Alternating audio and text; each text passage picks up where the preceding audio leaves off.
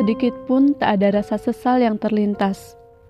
Yang ada hanyalah rasa syukur dan bahagia. Setiap kecintaan harus dirayakan, tidak dikekang apalagi ditahan hingga mati menjelang, katanya. Dia senang hanya dengan bekerja sebagai pemandi jenazah. Dia mendapatkan semua yang dia cari. Hanya dengan mayatlah dia bisa meluapkan semuanya. Manusia adalah daging hidup yang menjaga kemunafikan mayatlah yang mencintainya dengan tulus, tanpa kepura-puraan dan banyak persyaratan. Aurat si mayat.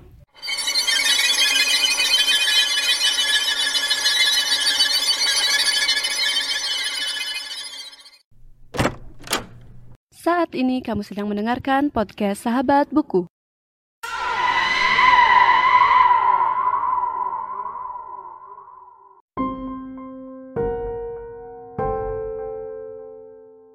Halo semuanya dan selamat datang kembali di podcast Sahabat Buku.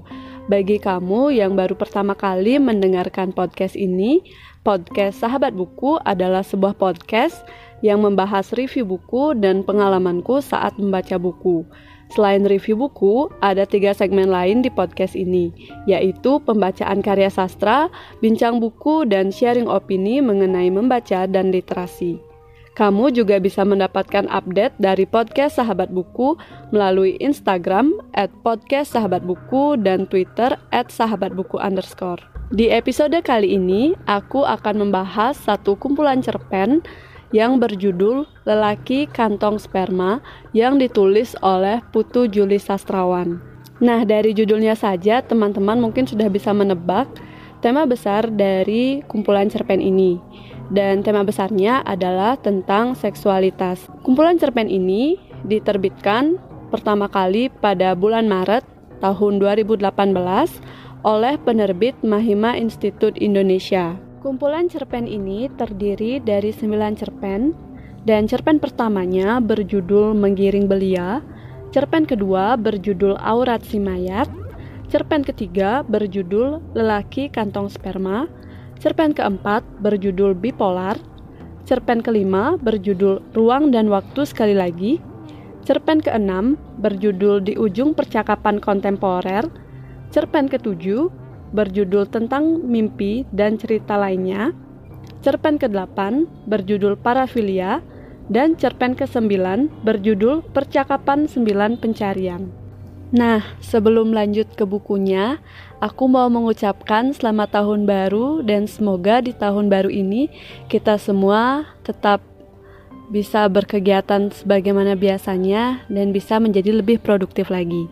Dan satu hal lagi, jadi untuk episode kali ini aku mau disclaimer untuk pembahasannya aku hanya akan membahas tentang cerpen-cerpen dan juga pendapat pribadi aku mengenai kumpulan cerpen ini. Tanpa basa-basi lagi, ayo kita bahas cerpennya. Kumpulan cerpen ini setebal 103 halaman dan cerpen pertamanya berjudul Menggiring Belia. Tokoh utama dari cerpen ini adalah Setia, yang mana dia adalah seorang guru PAUD yang berusia 30 tahun.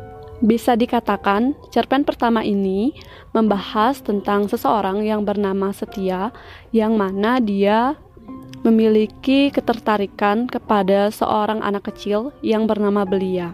Dari penggambaranku tadi, sepertinya mungkin beberapa dari teman-teman sudah mengerti, uh, mungkin bisa dibilang kelainan apa yang dialami oleh Setia. Dan sepertinya aku juga tidak harus menyebutkannya di sini. Oke, kita lanjut aja ke cerpen kedua yang berjudul Aurat Si Mayat. Cerpen ini membahas tentang seorang pemandi jenazah di sebuah rumah sakit yang bernama Nohan. Dan ceritanya si Nohan ini memiliki ketertarikan kepada mayat-mayat yang sudah meninggal dan di ceritanya dia diceritakan memiliki ketertarikan kepada seorang mayat perempuan yang meninggal karena sakit. Dan cerpen ketiga berjudul Lelaki Kantong Sperma.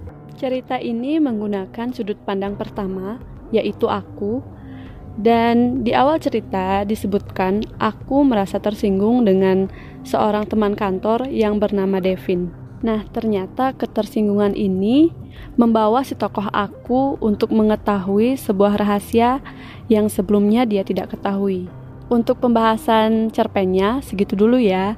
Karena jika kamu memang tertarik untuk uh, mengetahui lebih lanjut, kamu bisa membaca sendiri kumpulan cerpennya. Pembahasan selanjutnya adalah opini pribadi aku mengenai kumpulan cerpen ini. Sebelumnya aku mau cerita sedikit.